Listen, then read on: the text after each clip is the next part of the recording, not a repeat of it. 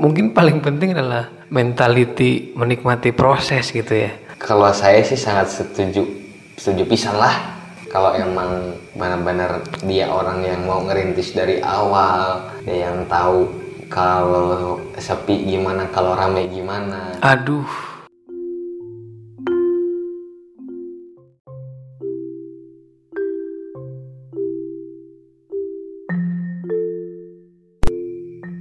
Wow, wow, wow, wow.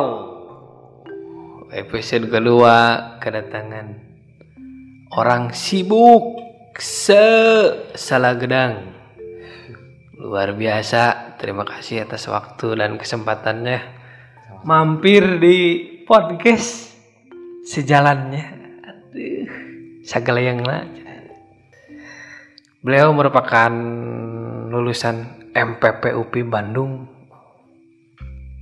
Please welcome Rizky Kurnia Diallo a.k.a. Mas Kiwok Waalaikumsalam. Karena menjawab kalimat awal. Oke, terima kasih atas sambutannya Perkenalkan, nama saya Rizky Kurnia Radiallah. Nama umumnya Kiwok, K-I-W-O-K. Kalimat pertama saya ucapkan terima kasih kepada yang punya podcast sejalannya telah mengundang saya untuk mengisi podcast di episode berapa? 2A Di episode 2 ya siap ditanya sebenarnya Oke, apa pun. apa pun lah ya Oke. Termasuk pertanyaan akhirat mungkin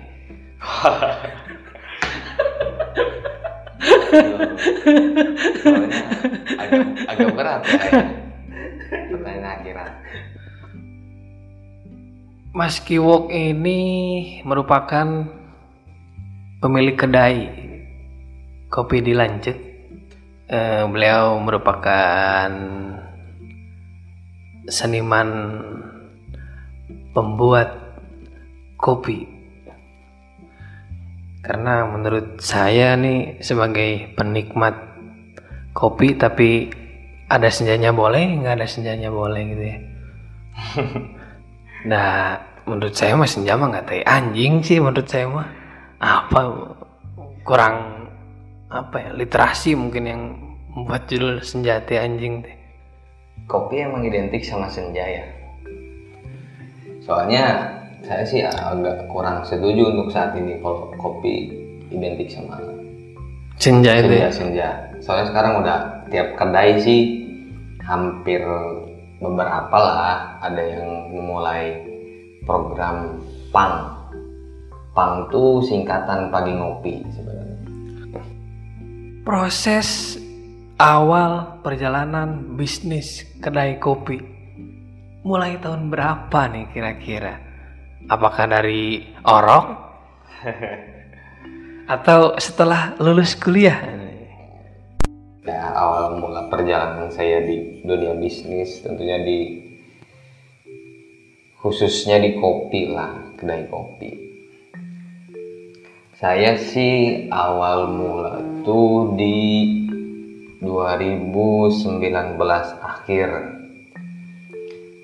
Po- Kondisinya saat itu saya masih berada di Bandung. Saya sudah menyelesaikan studi saya di Bandung. Berarti beres kuliah tuh 2019 awal. Beresnya itu saya ngertinya wisuda. Selama itu ya tahulah ya. Setelah kuliah tuh benar-benar kayak ucapan selamat datang aja. Welcome to the jungle. Oke, seperti lagunya Gun and Roses. Welcome to the jungle. benar-benar ya arahnya kita tentuin sendiri lu mau berjalan ke mana entah lu mau kerja berkarir entah itu lu mau berbisnis sebenarnya balik lagi ke orangnya Hmm. di samping itu saya sedikit bicara flashback aja ya berarti ya Iya, proses awal perjalanan. flashbacknya tuh saya ngebentuk atau memulai bisnis alasan pertama saya gara-gara keadaan. Keadaan apa kira-kira? Keadaan. Jadi sebelum saya memulai berdagang atau berbisnis seperti manusia pada umumnya yang setelah kuliah mencari pekerjaan saya pun seperti itu. Mencari pekerjaan ya lumayan lama waktunya. Di samping itu mungkin saya merasa ada di posisi stuck. Stuck dalam artian bisa dibilang give up bisa aja. Give up gara-gara nggak dapat kerja. Di samping itu memulailah memberanikan diri untuk berdagang. Karena dagangnya di kopi ya saya kenapa di kopi alasan pertama saya setiap orang tuh mengunjungi kedai-kedai atau mengunjungi coffee shop dia membeli suatu produk yang bernama es kopi susu. Karena dia bisa masuk ke semua gender sebenarnya. Mau anak-anak bisa mau cewek bisa mau cowok bisa mau orang orang tua pun bisa Kiok sendiri mulai jualan di es kopi susu dengan beberapa rasa di modal ya kopinya pun kopi godong nggak pakai alat apa pun oh berarti Artinya lebih ke seadanya aja. nah, seadanya aja Tapi belum ada mesin-mesin belum belum, ada mesin, belum ada alat apa pun. Hmm. Alat apa pun tuh maksudnya bukan bukan alat yang biasa ya, alat-alat yang dibutuhkan di kedai kopi. Manualan gitu Iya, ya manualan. cek bahasa kopi namanya Bahasa kopi nama.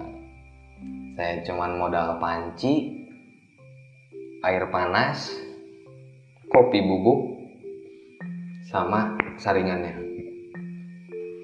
itu lokasinya di Posisinya dulu di depan kamar saya. depan kamarnya kalau saya berkunjung nih eh, sekarang tuh sekarang udah di Kalau Pinggir sekarang sih jalan. posisinya udah jadi tempat-tempat tanaman. Itu setelah itu dari- proses awal banget berarti Iya, ya, itu Mas awal Kiwok ya berarti di bulan Oktober akhir saya berjualan es kopi susu 2018. 2018 dulu namanya bukan kopi di Lancet kan Oke. Ya, dulu namanya Brosis Coffee. Kenapa dulu ngambil Brosis Coffee? Sebelumnya saya se- pertama kali jualan ada dua es kopi susu gula aren dua versi maksudnya. Yang satu es kopi bro, yang satu es kopi sis.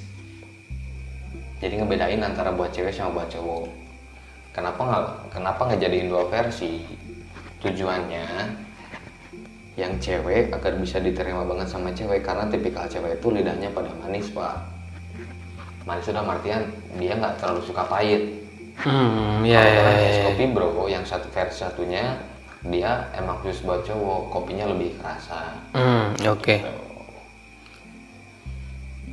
Eh, ada pergantian dari brosis ke kopi di Lancet nah itu kan ada perubahan tempat ya mas dari kedai eh, tempatnya di depan kamar ke sebuah bangunan kedai ya. Itu itu udah pakai brosis tetap atau kopi di Lancet perpindahan tempat dari suatu meja kecil ke bangunan kecil itu masih di Brosis Coffee namanya masih Masih tetap. tetap di Brosis Coffee cuman makin ke sini ada perubahan tuh setelah satu tahun Brosis berjalan berarti kurang lebih satu tahun. Satu tahun eh, kedai bangunan baru dibuat tapi namanya masih tetap eh, brosis berarti ya? Ya masih Brosis. Ha-ha. diganti jadi kopi di Lancet iya jadi kopi. Kopi di Lancet nih. Tapi hampir sama ya kalau bahasa Sundanya itu brosis kopi di Lancet adi jeng Lancet. Ya ada ada makna di balik udang apa nih? Sebenarnya apa yang disebutin sama si A tadi memang benar. Oke. Lancek tuh sebenarnya bukan nama tempat tapi lebih ke singkatan. Singkatan Sun bahasa Sunda ya. Sunda tentunya. Singkatan bahasa Sunda di Lancuk tuh saya mengartikan Adi Lancuk. Sebenarnya kalau kalau melihat dari filosofi saya tetap aja sama eh, ngartiin filosofinya sama yang sebelumnya brosis. Brosis juga saya filosofinya brother and sister. Bransis berarti. Ya, cuman saya ganti nama pun saya tidak meninggalkan filosofi sibrosis dulu. Cuman kan lebih sebenarnya lebih ganti bahasa aja sih sebenarnya. Karena filosofinya tetap sama-sama aja. Dan dasar ideologinya tuh saya di keluarga sebenarnya. Mem- saya memulai bisnis tuh benar-benar disupport sama orang tua dan kakak-kakak saya tentunya. Mungkin adiknya saya maksudnya adik itu saya. Bungsu berarti ya. ya bungsu. Saya adik dari kakak-kakak saya. Menyayangkan ide saya untuk memulai bisnis. Maksud menyayangkan tuh ini adik saya bener nggak ya untuk berbisnis? Kalau emang bener kenapa nggak nggak disupport aja gitu. dan untungnya benar-benar disupport penuh lahir batin lah ya. Hmm. mau di finansial untungnya saya bersyukurnya disupport Eh, bukan finansial pun lebih ke ya doa kayak gitu-gitu pun benar-benar disupport banget Didukung full berarti ya. Pisan ya. Oke oke oke oke. Berarti secara menu kopi di Lancek lebih varian gitu ya.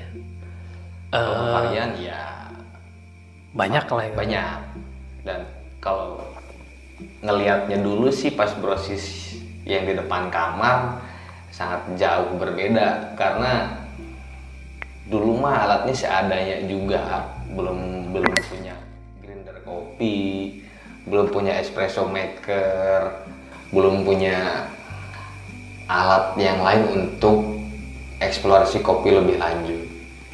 Gitu. Makanya kan dulu saya jualan cuma es kopi susu aja. Hmm, yeah. Alasan kenapa sekarang lebih lebih fokus di coffee shop sih sebenarnya alasan pribadi juga alasan pribadi karena bosen bosennya kenapa nguliknya di situ-situ aja kenapa nguliknya di es kopi es kopi aja toh terlepas dari itu customer pun pasti ngerasa bosen Ya ya customer ya ya. kemungkinan kecil untuk repeat order Repeat order Ya. oke. kalaupun repeat order ya paling seminggu sekali atau dua minggu sekali bisa jadi Bentar repeat order tuh oh, mungkin melakukan langganan berartinya. ya pembelian ulang dia Pembelian ulang lah. balik lagi Ba- Luar biasa sekali. luar biasa ya Luar biasa. kalau perjuangan mah ya sebenarnya pahit manis asam sudah dilewati menurut saya ya mungkin suatu saat juga nanti ada asamnya sedikit bukan berarti pahit ya kalau asam sih pasti karena di dalam bisnis mah gitu. Kalau pahit mah saya juga amit-amit sebenarnya kalau pahit. Hmm. takutnya berhenti di tengah jalan ataupun apa ya sebenarnya nggak mau banget lah ya. Karena si bisnis pun udah berjalan sekarang berarti tahun kedua. Tahun kedua. ya tahun kedua. Sangat disayangkan kalau emang nanti berhenti di tengah jalan. Ya. Oh, mungkin ini ya yang harus apa ya dimiliki oleh pebisnis gitu ya, eh, mentality gitu ya, mentality gitu ya. eh, mungkin tapi mungkin paling penting adalah mentality menikmati proses gitu ya. kalau saya sih sangat setuju setuju pisan lah kalau emang benar-benar dia orang yang mau ngerintis dari awal dia yang tahu kalau sepi gimana kalau rame gimana Aduh, sepi gimana katanya. Berarti pernah menikmati ya? wah ya sedikit lama ya lumayan lama bukan sedikit lumayan lama saya itu resiko yang harus disiapkan lah. Ya, itu benar-benar resiko awal menurut saya. Resiko Karena awal. Kalau emang ada yang nanya ke saya, misalkan ada teman teman sendiri lah ya pengen pengen bisnis eh wok bisnis apa Hmm. Misalkan dia dia kasih tahu plannya gini gini gini gini bisnis ini. Malahan sebelum setelah dia pengennya di bisnis itu saya saya langsung ngekat dan langsung nanya sebenarnya lu siap rugi atau lu siap sepi nggak? Malah teman saya jadi stuck diam. Waduh, soalnya iya mungkin kita tuh sekarang nih anak apa ya generasi kita tuh melihatnya tuh hasil hasilnya aja terus di Ya. di media-media tuh kan seminar apa? gitu. Kilat sukses di platform anu. Gitu. cuman ya kalau menurut orang sih kalau pandangan orang sebenarnya bisa aja rame pun maksudnya langsung rame instan rame lah. Cuman takutnya ketika kita sepi dia bakal kaget nggak maksud dalam kaget tuh apakah dia langsung stres? Oke, ataukah dia langsung stagnan? Ataukah dia langsung kolaps tutup? Oke, bangkrut? Bisa jadi kan? Karena dia tidak karena dia belum siap untuk di proses rugi atau sepi. Oke, oke, oke. gitu. Oh ini mungkin uh, definition about a process mungkin ya kurang lebih ya bener gak sih? saya mengartikan itu. A proses gitu ya? Proses itu penting penting banget ya? Nggak? Kalau di dunia bisnis ya menurut ya ya ya ya, ya. proses eh, ini nih ini yang gimana ya? Cara mengolahnya cukup sulit ya menurut saya ini juga. Parah sulitnya parah. asli. Apalagi sendiri pak. Oh, saya sendiri. Oh ini berarti dari awal sendiri. Oke. Melakukan all the thing berarti ya apa pun ya, Ba- Iya. penyiapan bahan baku gitu ya. eh, bahan baku saya produksi saya marketing sendiri saya Kalau sampai ke publishing gitu ya. publishing juga sendiri itu kan masuk dari eh, seksi ya promosi pemasaran. Promosi pemasaran. Ya. makanya kalau emang ngelihat bukan ngelihat kalau ngebandingin kedai saya dan kedai yang lainnya bisa dibilang saya mah eh, suatu kedai kopi yang paling nyantai Santai. Ya, Iya. sama itu ya karena emang mungkin alasannya belum punya waktu untuk publishing, belum punya waktu untuk promosi, Hmm. belum punya waktu untuk eh, interaksi sama followers atau customer deh di situ. Oke. Karena kan kebentur kalau misalkan saya buka platform media sosial si kedai Nah. bisa dibilang suka bertabrakan ketika saya produksi Hmm. produksi itu dalam artian kita buat orderan untuk yang beli Ya, ya, ya, ya. offline store atau di kedai sendiri Oke. terlepas dari itu ya gitulah jarang kepegang sebenarnya Hmm, hmm, hmm, hmm. ya sendiri Sendiri berarti Ya, ya, semua muanya ya. semua semuanya sendiri mau clear up mau cuci cuci gelas mau isi ulang galon Aduh. mau belanja bahan baku ah sendiri sebenarnya semuanya Oke, ini lokasi kedainya tuh di Jalan kedainya Pangeran Muhammad ya? Ya, Jalan Pangeran Muhammad nomor 13 di Desa Tanjung Sari Sukhaji, Kabupaten Majalengka. Kabupaten Majalengka.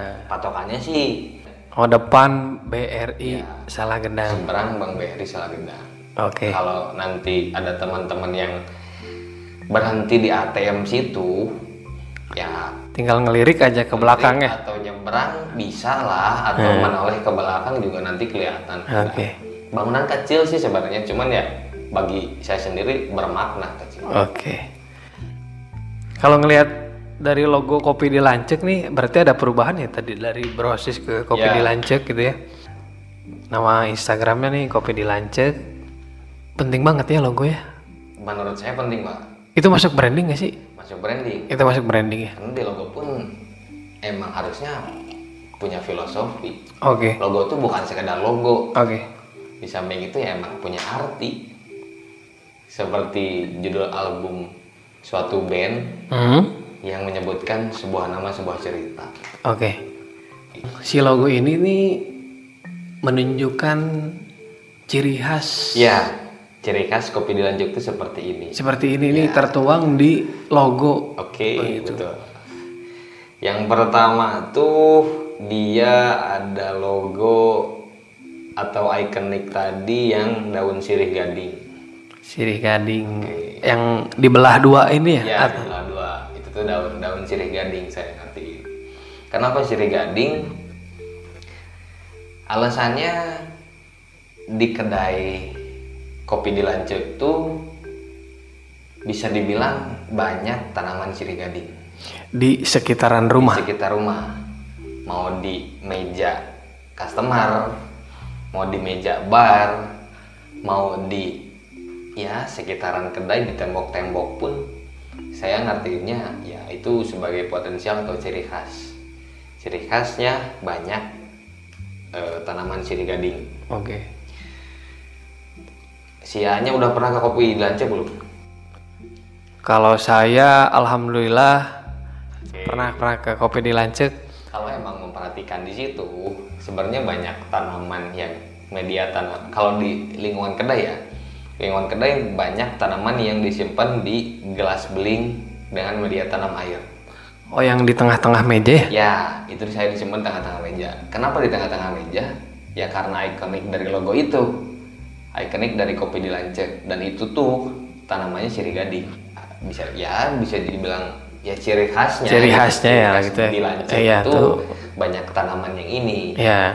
Dasarnya ya saya masukin ke logo karena emang pot eh, banyak gitu maksudnya. Eh. Ciri khas Udah kecangkir ya? Saya ngeliat sih ada cangkir nih. Ya, oke, ke cangkir. Cangkir tuh saya artiin sebagai cangkir kopi. Cangkir kopi. Wadah berarti nih ya? Ya, wadah kopi. Kenapa kenapa wadah kopi ya? Toh alasannya ya kedai saya tuh khususnya di kopi. Hmm. Specialty lah, lebih ke specialty. Leb- eh, sebenarnya non kopi pun ada, cuman lebih banyak yang di perkopian dibanding yang non kopi. Hmm, hmm, hmm. Selanjutnya Ada bar ya? ya Kalau nggak salah nih. itu tuh saya ngertiin kalau lihat logo itu kursinya sama lampunya sama sama pada realita Hmm. nyata aslinya sama sama yang di logo Hmm. Bentuk kursi sama bentuk lampu inisial Inisial? inisial KD ya itu kopi di Lance Kopi di Lancet. Bukan Kris Dayanti ya berarti? ya? bukan Bukan ya? kalau nanti saya kena marah Kena marah ya berarti? ya bisa dibilang plagiarisme plagiarisme Ada plagiarisme nih. iya bahaya pak Bahaya ya berarti? iya Oh ini mungkin akan berkaitannya dengan kekayaan intelektual berarti? Iya, makanya Oh. dari awal saya kenapa ganti nama tuh Hah? tidak mau untuk ada plagiarisme. Oke, berarti pure atas ide kreativitas dari Mas Kiwo. ya? Insya Allah seperti itulah. Ya, Di Indonesia berarti belum ada ya namanya Ya, kopi di Lancek nih ya. Ngopi di mana? Di Lancek. Aduh. Pasti nanya lanjut saha, biasanya kan gitu. Iya. Cuman ya di samping itu saya bikin apa ya gimmick biar ngegantung atau apa. Hmm, Terus ada kalimat tambahan gitu ya. Iya. Di mana? Ker di mana eh di Lancet gitu. Hmm. Saha gitu. biasanya gitu gambar wajah sedang tersenyum atau sedang ketawa atau sedang berbahagia Saya baru ngeh melihat logonya. ikonik itu saya menggambarkan bahwa kopi di Lancet itu punya tipikal yang friendly Terhadap customer gitu ya. ya tentu harus friendly dan emang itu menenangkan dari pertama buka yang brosis pun tetap friendly Tagline-nya tagline-nya saya sih mengartikan is all about happiness sebenarnya. is all about happiness. Eh, Semua tentang kebahagiaan. gitu. Ya, kenapa ngambil itu? Alasannya ya customer tuh kalau datang ke kedai kopi harus bahagia sebenarnya. Curhat gitu ya. Ya, itu sebenarnya tuntutan atau tanggung jawab kepada barista yang di situ Hmm. untuk membuat selalu bahagia si customer. Entah itu customer yang lagi galau, entah itu yang lagi ruwet, entah itu yang punya problem. Sebagai barista harus menjadi obat customer itu. Karena tanggung jawabnya kan di situ is all about happiness, harus membahagiakan orang. Oke, mau cewek mau cowok yang asal mah jangan baper aja gitu. Iya iya iya iya. Terlepas dari itu kalau emang ada customer cewek sama cowok sama-sama galau, sama-sama didengerin sama barista, bisa dibilang dikasih jalur, Heeh. ya bisa jadi kalau baper, Kenapa nggak menyatu ya? iya gitu aja. Waduh, Dan tak- suatu saat nanti dia punya story tersendiri, cerita tersendiri. Betul. Wah, pertama kali ketemu di kopi di Lancet nih. Luar biasa. Ya, bagi orang sih itu nilai plus sebenarnya. Dan itu sudah dijanjikan nih kepada siapa yang memudahkan jalan seseorang akan dimudahkan. Ada hadisnya kalau nggak salah. Oke siap. Berat sekali ya menjadi barista kopi di Lancik nih. Awal produksi sendiri gitu ya. Terus prosesnya sendiri sampai secangkir kopi sendiri dan satu lagi mendengarkan keluh kesah customer. Dari situ saja Anda bayangkan sudah berat sekali. Tapi eh, nikmati lah ya. Ya, tuntutannya harus punya dua muka sebenarnya. Barista di kopi di Lancet di semua kedai, tuntutannya kalau emang moodnya lagi jelek, nggak bisa ditampilin ke customer. Oke. Benar-benar kalau menurut orang sih haram. Kalau baristanya lagi ruwet, lagi bad mood, lagi jelek, harus tetap tersenyum dan harus membuat orang bahagia. Toh nanti juga setelah customer pulang, setelah udah yang ngopi di situ, pasti dah, ya kita memperlihatkan diri sendiri. Wah, itu lagi nggak benar, yang lagi jelek. Kadang mempengaruhi rasa, Pak. Di kopinya. di kopinya yang untuk customer itu. Soalnya saya pernah ngalamin sebenarnya saya sedang jelek moodnya. Sedang ah, ceparu lah. Sedang tidak alright intinya. Saya ya karena tuntutan kan tuntutan yang punya kedai atau punya coffee shop ya sebagai barista mau nggak mau harus memperlihatkan sisi baiknya saya pernah ngalamin itu, saya sedang tidak alright, saya bikin kopi.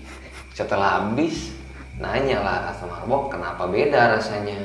Wah, saya pun tanda tanya kepada diri sendiri, kenapa beda? Padahal Ingredientnya gitu ya. ingredientnya bahan-bahannya sama, sama seperti biasanya. Oke. Oh gila ya. Di situ saya bikin ulang, kita bikin sharing. Hmm. Maksudnya sharing-sharing kopinya, sharing produknya. Saya bagi dua.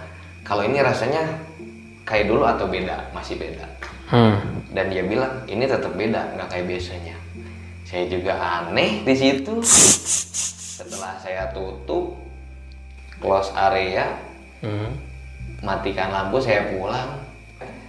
Itu saya tadi bi- dibilang mood tuh bisa merusak hasil produksi juga. Hmm. hmm. Saya setuju karena saya mengalami itu. Oke, berarti memang ini tuh proses pembuatan kopi tuh mungkin ada banyak seninya ya gitu ya. Mulai dari seni rasa. Terus kan ada statement membuat kopi itu dengan hati, Pak. Oke. Itu saya, saya setuju. Membuat kopi atau membuat sesuatu, membuat apa pun ketika ada di bar, itu harus dengan rasa yang baik, dengan good mood, dan tidak mencek bahasa Sunda nama, tidak gurung gusuh. Itu gurung gusuh. Ya, Itu buru-buru. itu buru-buru. Kumaha yang men- eh, membuat hasil produksi itu rasanya maksimal. Oke, menarik. Satu lagi nih penasaran nih.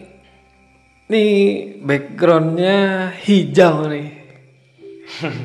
Apakah ada kaitannya dengan sirih gading atau apa nih? Kalau saya sih ngambil warna hijau lebih ke mengartikan kesan natural. Natural. Natural. Natural itu berarti tidak dicampuri dengan apa-apa gitu ya. Ya, natural seadanya. seperti- Seada-adanya gitu ya.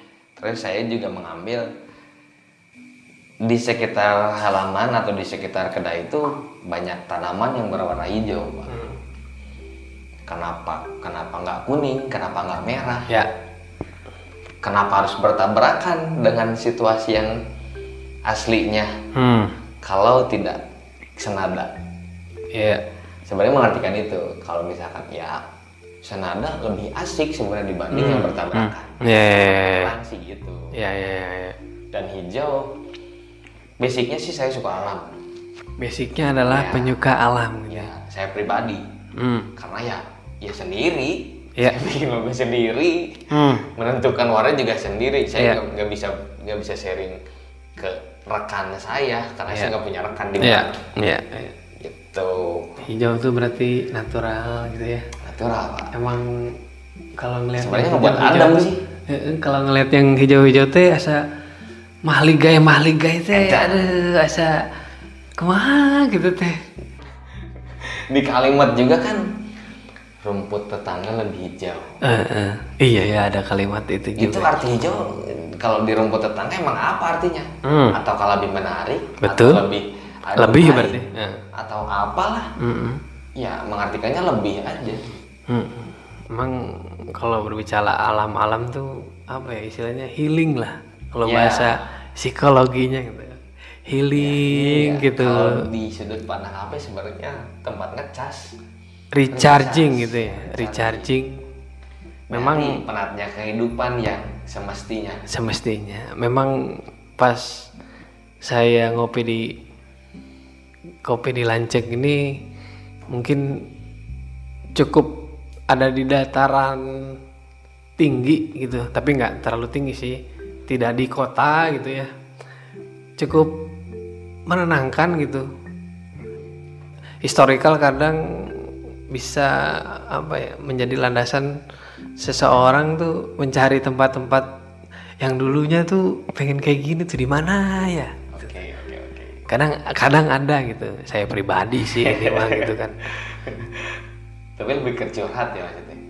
Ya mungkin lah sedikit lah. ya. Ya karena wah hanya ada. Saya tengah ngopi di panas teh gitu. Itu itu eta unggul sih apalagi order order kopi panas di lingkungan yang panas. Aduh saya tak asup. Ya, bisa jadi pedas sebenarnya. Pedas ya gitu. Betul betul betul. Apa ya ilmu lah. Eh, ternyata sebegitu pentingnya eh, apa ya membahas sebuah logo gitu ya. Sebuah nama. Sebuah nama gitu kan. Itu tuh mungkin salah satu yang harus di apa ya dimiliki oleh apa ya pembisnis gitu. Apa pun ya sebenarnya. Iya, bukan apa pun. hanya apa pun. kopi aja ya, nggak nggak kopi aja. Ya isi branding ini logo juga. Pokoknya tentang tentang bisnis soal buat bisnis menurut orang. Oke. IGTV-nya nih ada suasana video tentang nyeduh di sisi cai ngopi di sisi cai itu. Oke. Aduh kebita ya deknya ah. Bisa can ayah di Majalengka mah. Belum ada. Ya bisa dibilang begitu pak. Soalnya saya ngebuat video itu sih alasannya bisa dibilang masuk ke inovasi produk. Inovasi produk inovasi produk. Tu- eh, kenapa inovasi produk? Toh saya sendiri pun sebagai barista bosan nggak sih nyeduh- nyeduhnya di situ-situ aja? Bosan nggak sih nyeduhnya di antara kedai aja? Oh ada bosannya juga berarti ya? Ada. Oke. Satu satu satu waktu pasti ada bosannya. Oke. Kenapa kita nggak ngebuat eh, suasana yang berbeda? Oke. Entah itu di alam entah itu di yang sekarang programnya kan di pinggir pinggir air. Sisi cai lah sisi cai sisi cai itu bukan artian di pinggir jalur kali ya. Oke. maksudnya itu ya benar-benar sungai dan airnya pun jernih. Dengan suasana pun ya sangat dingin lah. Hmm. bisa dibilang Sejuk lah ya. sejuk sejuk sorry, bukan dingin. Enak gitu buat dinikmati. Kalau ngeliat di videonya sih ini hutan tapi di si di dalam hutan tuh ada aliran aliran, Aliran, oke. air gitu ya ya alasannya itu. Kenapa? Kenapa kita nggak ngebikin suasana yang baru? Sebenarnya itu aja. Atau juga saya pribadi melihat eh, orang-orang lain kalau di Majalengka sih saya ngelihatnya belum ada. Tapi saya belum riset lebih lanjut ya. Untuk ah, ah, maksudnya Untuk saat ini gitu? Iya untuk saat ini. Ada yang udah ngelakuin atau ada yang belum. Sebenarnya saya men- mencoba melakukan itu aja. Ke depannya harapan saya menjadi coffee trip sebenarnya. Bukan bukan kalau coffee trip sih ngar mengartikannya kepada kita kunjungan ke kebun kopi. Kalau coffee trip. Oke. Oh, ini mah dah kaleuweung nya. Iya, ya ini mah menikmati kopi aja, menikmati meminum kopi sebenarnya. Cuman dengan tempat dengan tempat yang berbeda. Tentunya jauh ke mana, Hah? yang sinyal Nah, oke. situ. Wah, ini apa ya istilahnya petualangan baru nih di di apa ya di inovasi kopi nih yang setahu saya juga ngelihat kedai di Majalengka baru ini nih kopi kedai di Lancek karena mungkin dulunya juga seneng berpetualang gitu ya Benar menurut Bapak tadi bicara tentang historikal. historical ya Historikal. gitu kan menjadi landasan untuk yang dilakukannya sekarang biasanya seperti itu gitu Karena dia bisa dibilang punya punya potensi yang di situ. Maksudnya di situ tuh tentang alam lah ya di hutan atau di pinggir aliran. Kenapa nggak dibuat momen meminum kopi di sana? Alasan terbaik juga saya kan dulunya bisa dibilang orang yang suka naik gunung meskipun nggak banyak juga yang didaki. Ya, tapi Ciremai mah udah berarti ya Ciremai kampung sendiri mah ya Berarti udah tiga kali saya. jam operasional sorry Jam operasional kedai eh, kopi di Lancek dimulai dari maghrib waktu setempat atau habis maghrib lah ya umumnya habis maghrib. itu dari hari Senin Nah operasionalnya hari Selasa sampai hari Minggu.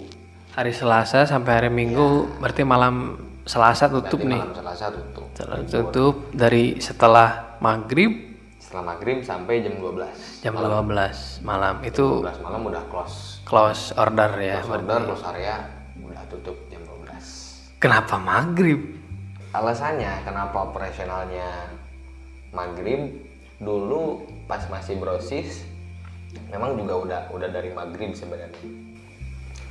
Setelah brosis beranjak berkembang, saya dulu iseng melamar pekerjaan. Ada suatu program open recruitment di di Majalengka Majalengka. di Majalengka Ya.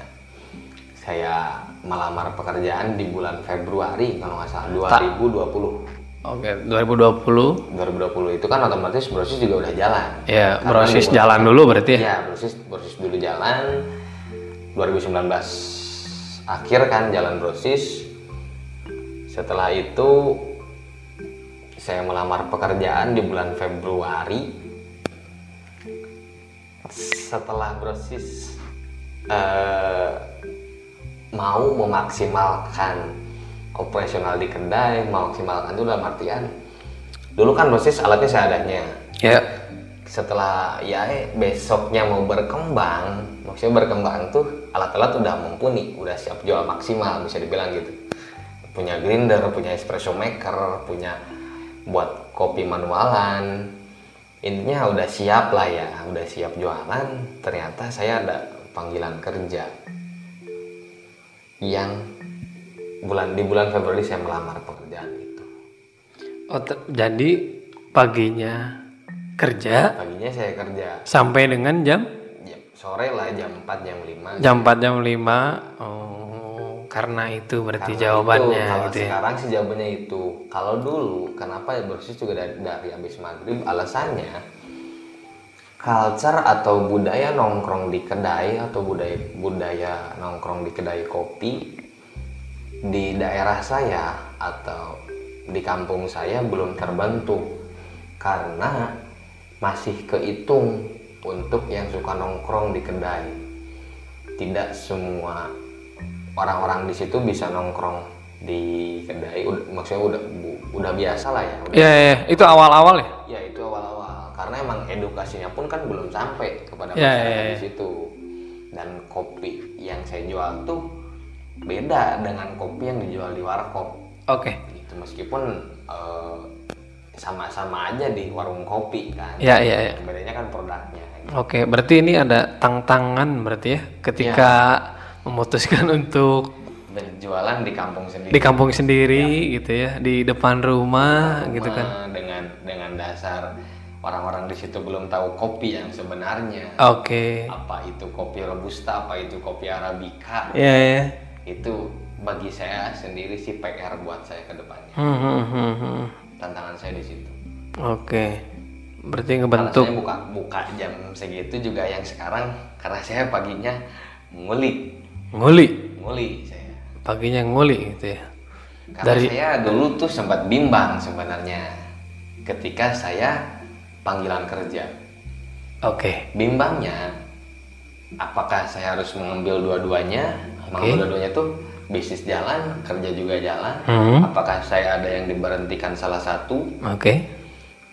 kalau plan B sih saya sebenarnya nggak bisa Plan B itu maksudnya plan apa? B itu yang ada yang berhenti salah satu Oh, berarti menggugurkan salah Ya, satunya berarti. menggugurkan satu pilihan pilihan kerja atau pilihan di, tetap di bisnis saya nggak bisa alasannya kerja saya belum pernah punya pengalaman Hmm. jadi bisa dibilang pertama kali saya kerja tuh ya di sini yang diterima sekarang Yang sekarang? ya yang diterima saat itu Ya, dan sekarang masih juga ya. Juga masih Hmm, dan kedai pun saya nggak mau lepas Oke. karena posisinya udah running udah berjalan Ya. coba kalau kedainya masih kayak dulu yang proses Hmm. belum punya alat apa pun belum punya alat seadanya Oke.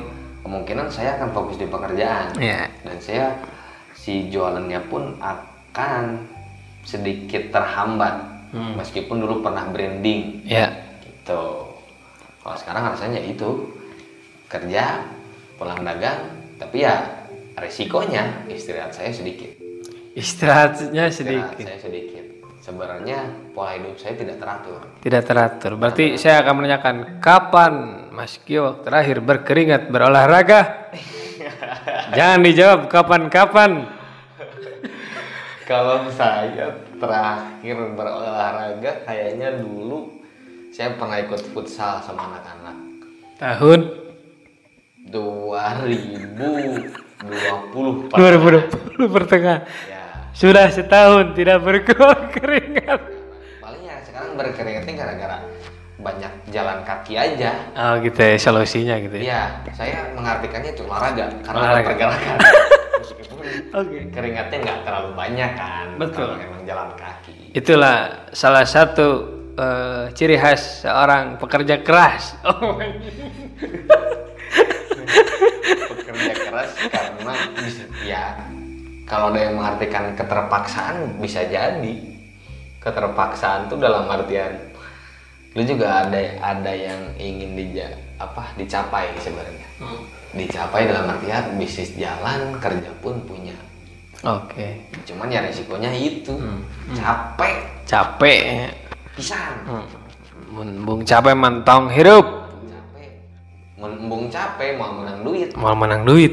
is all about money bukan Iyo, karena kita hidup butuh uang. Ya begitulah kehidupan namanya juga Bung. namanya juga kehidupan pak Kehidupan. realistis sebenarnya dan masih branding tuh ya kalau nanti jam 12 masih banyak kan masih rame gara-gara masih masa branding kalau kita ngusir gak enak Iya juga sih. gak enaknya ini kedai baru juga jalan kayak ngerasa udah ngusir Hmm. serba salah kan Iya, iya, iya. makanya saya ya mengambil jalur tengah aja toh nanti juga saya udah ngerasa give up Iya. suatu saat di waktu tertentu saya juga akan izin kepada customer Iya. dengan syarat di bar udah beres Iya. minta izin untuk istirahat Eh, mohon maaf bisa besok lagi Iya. ataupun lusa ataupun minggu depan Iya. insya Allah bisa diperbaiki Iya, mungkin ini apa ya? Simbiosis mutualisme dari pedagang dan customer gitu saling mengertikan Iya, gitu saling mengerti bukan apa ya pembeli adalah raja jangan begitu berarti Sebenarnya kalau statement itu saya setuju nggak setuju pak, karena saya pun bisa dibilang pernah jadi pembeli. Saya juga jadi pembeli. Atau saya beli bahan baku, ya saya beli alat-alat, saya juga Ya. pembeli masuknya. Cuman di samping saya yang punya ja bisnis di bidang jasa minuman tentunya di kopi, sebenarnya di situ juga barista atau yang punya kedai butuh istirahat iya itu dia tuh bukan hanya sekedar menyediakan aja sebenarnya ya ya ya, Sebelum itu juga ada butuh istirahatnya. ya. Ya benar tadi emang harus saling mengerti. saling mengerti ya gitu ya Kalau istilahnya sebelumnya juga udah, udah disediain tempat, Ya, nyaman, ya. udah disediain produk yo untuk untuk bahan sebuah obrolan dengan teman-temannya. Ya kembali ke mentality lagi. Ini gimana cara mempertahankan semangat dan mental dengan pagi bekerja sampai sore malam harus buka. Ini kuncinya apa nih? Kunci sampai dua tahun ini kedai masih berdiri nih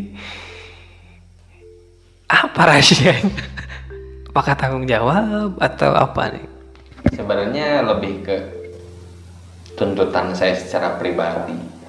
Saya ingin membuat kedai, saya ingin mem- membuat tempat untuk berkumpul, dan bisa dibilang saya juga nanti ke depannya akan bergantung di sini ketika saya udah tidak bekerja. Sebenarnya invest- investasi buat masa depan saya masuknya. Investasi toh nanti juga saya ada waktunya untuk bukan ada waktunya ya, waktunya untuk eh, berhenti bekerja. Hmm. dan faktor umur ya ya ya kesehatan ataupun apa karena kita udah punya usaha sendiri ya jalanin yang yang ada. Iya memang. Mau nggak mau harus di branding dari sekarang untuk ke depannya Hmm.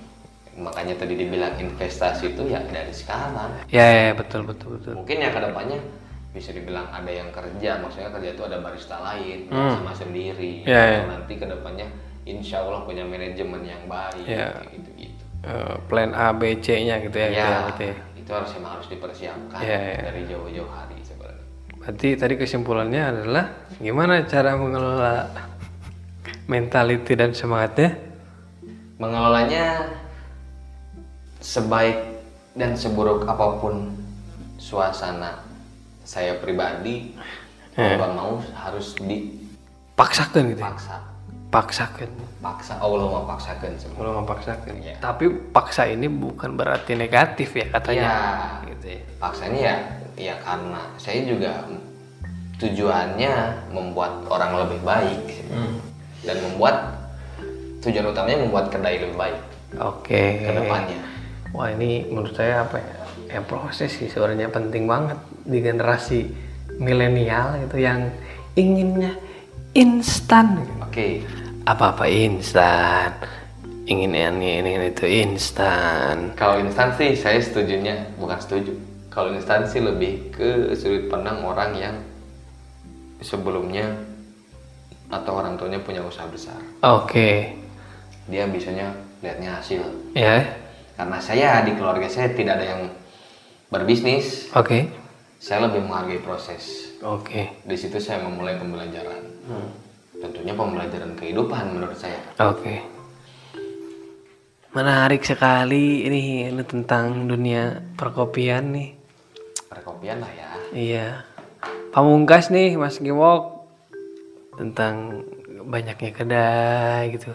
Sudah semakin membudaya nih industri kopi di Majalengka ini nih. kalau sudut pandang saya pribadi makin banyak kedai bagi saya makin bagus alasannya setiap kedai punya solo masing-masing di situ juga banyak variasi produk yang diberikan tentunya di dunia kopi Signature signature. ya setiap kedai harusnya mempunyai ciri khas tersendiri Iya, iya, betul. saya juga mengkrit kedai lain juga mengkrit Ya. menciptakan Iya. itu agar tujuannya customer juga mempunyai pilihannya masing-masing Oke. dan sebenarnya dari situ tidak ada unsur paksaan buat customer untuk datang ke suatu kedai karena kan pada akhirnya customer akan memilih pak Ya. misalkan customer A dia enaknya kopi susu di kedai B Ya. customer B lebih senang kopi susu di kedai A ya yeah. customer gak ada paksaan Ya. ya, ya. haram menurut saya menurut saya pribadi Mhm. untuk memaksa customer Ngopi. ke kedai ya ngopi Ya, ya, ya, ya. beda kedai beda filosofi beda kedai beda barista beda kedai beda penyampaian dari barista kata barista kedai A gini kata kedai barista B gini Oke. sebenarnya itu edukasi untuk customer Oke. banyak versi Ya. banyak literasi menurut saya Iya. terlepas dari itu tujuannya memakmurkan petani menurut orang Hmm. petani kopi tentunya Ya. petani itu belum begitu bahagia sih Hmm. Untuk di kopin ya. untuk di kopi karena sejatinya harga kopi atau harga dari petani itu masih murah dari hulu ke hilirnya tuh ya paling mahal kan di kedai Kedai ya gitu ya. Itu kan harga jual ke customer tapi terlepas dari itu untuk membahagiakan petani sekarang juga lagi di lagi dibuat bisa program lah ya roastery roastery itu orang yang nyangrai kopi Oke. membuat petani bahagia dan lebih menikmati proses Oke. Produk lokal nih di Majalengka ada ya? kopi lokal Mas. Kopi lokal ya? kopi lokal ada Di mana aja tuh? kalau kopi lokal tuh setahu saya ada yang dari Sadarehe ada yang dari Gunung Wangi Oke. Lemah Sugi, Cikaracak juga ada, sama dari Sugiwangi. Sugiwangi. Terus ada juga Cakra Buana kalau dari Lemah Sugi sana. Di Majalengka juga sudah ada perkumpulannya ya? Ada suatu komunitas. Ada komunitasnya? Ada komunitas, namanya PKK. PKK. PKK, Persekongkolan Kaum Kopi. Kaum kopi gitu di Majalengka gitu ya. Sebenarnya yang benar-benar kaum kopi gitu. Di situ juga barista ada, owner ada. Oke. Oke, mungkin kalau dari saya penutupnya ada eh, quotes ini dari Di Lestari ini. Sesempurna apa pun kopi yang kamu buat, kopi tetap kopi. Punya sisi pahit yang tak mungkin kamu sembunyikan. Dan jarau pisan juga kehidupan. Tapi setuju. Setuju? Mau pahit, mau manis, Eh, Kopi gitu kopi ya. ya tetap kopi. Kopi ya, oke. terakhir dari saya sih sebenarnya kalau saya mengartikan proses itu harus dinikmati entah itu di bisnis entah itu di eh, perjalanan apa pun lah mau bisnis mau karir proses harus dinikmati dan harus dilewati terlepas dari itu toh nanti klise atau tujuan akhir pun pasti akan didapat dari setiap orang. Kalau di kopi, saya mengklaim tidak ada saingan di dalam dunia kopi. Tidak ada saingan. Tidak ada saingan. Namun kedai tetanggaan, ya pendekatan lah intinya. Di situ tidak ada saingan. Terlepas kalau produknya sama pun, toh sejatinya tiap kedai punya ciri khas masing-masing Oke.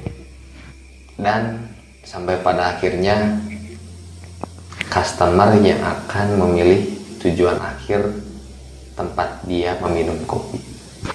Mantap sekali. Terima kasih Sama-sama. Kiwok telah berkunjung di podcast jalannya sharing pengalaman yang sangat menarik